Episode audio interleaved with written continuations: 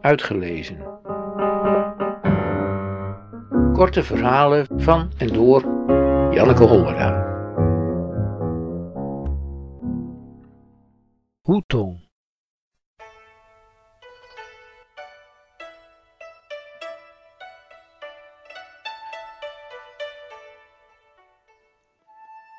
De hoetong ligt in een wolk van stof en oorverdovend lawaai. Bulldozers zijn drukdoende met hun vernietigende werk.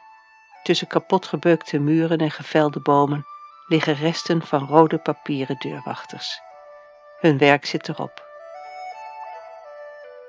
Op versleten Chinese sloffen schuift een oude man me tegemoet. Door zijn dikke brillenglazen kijkt hij me aan, lacht twee bruine tanden bloot, brengt zijn hand boven zijn hoofd en schudt zijn gerimpelde hoofd in verbazing en ongeloof. Ik ben 1,80 meter. Dan laat hij zijn hand zakken en wijst op zichzelf. Hij is hooguit 1,50 meter. Hij wijst naar mijn lange blonde haar en mijn grote neus, naar zijn korte grijze haar en zijn neus en lacht opnieuw. Ja, ik kom uit het land van de langneuzen. Elan, zeg ik. Hij lacht. Kloef. Ja, kruif. Hij opent een kleine deur in een grote rode poort. We stappen over een hoge drempel. Een buffer tegen de grootste vijand van de oude stad, de rat.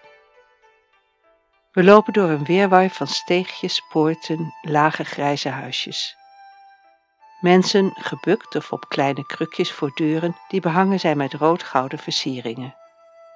Overal hangen kleren te luchten of te drogen. Kleine kinderen kijken me met grote ogen aan.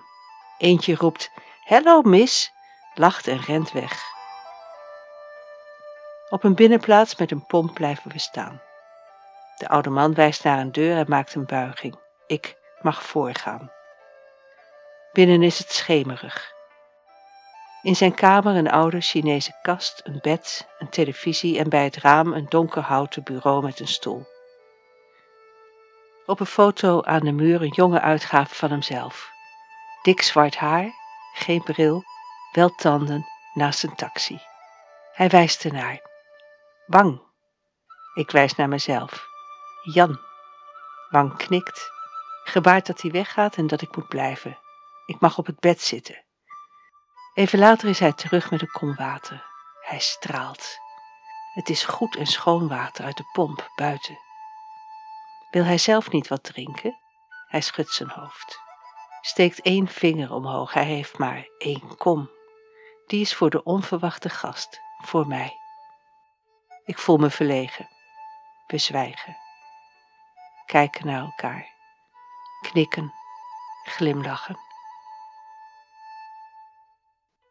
Wang wijst naar een boom die het hele plaatsje overschaduwt. Spreidt zijn armen in de lucht, maakt daarna een gebaar voor iets heel kleins, iets wat je in twee handen kan houden, waar je water aan moet geven, wat kwetsbaar is en zorg en aandacht nodig heeft. Hij heeft de boom zien opgroeien, van klein stekje tot de machtige boom die die nu is. Zo oud is hij, zo lang woont hij hier. Ik wijs door de muur naar de bulldozers. Het zal niet lang meer duren voor ze hier zijn. Hoe moet dat dan? Hier kent hij iedereen, hier kan hij de kleine winkeltjes op zijn sloffen bereiken. Wel nee. Wang wrijft zijn knokkels tegen elkaar vlak onder zijn lachende gezicht, als een kleine jongen die zich verkneukelt. Daar ginds, zijn arm wijst door de muren heen naar de rand van de hoetong, waar nieuwe flats verrijzen. Daar komt het water niet uit een pomp, maar uit de muur. En hier, een gebaar naar de oude deken boven op de kast, is het koud in de winter. Hij trekt rillend zijn schouders op. Maar daar, daar is het warm. En er zijn buren, boven en onder, links en rechts. Buren zijn goed. Met buren ben je nooit alleen. Heimwee, verdriet, afscheid? Nee. In China kan je overal wonen, als je maar buren hebt.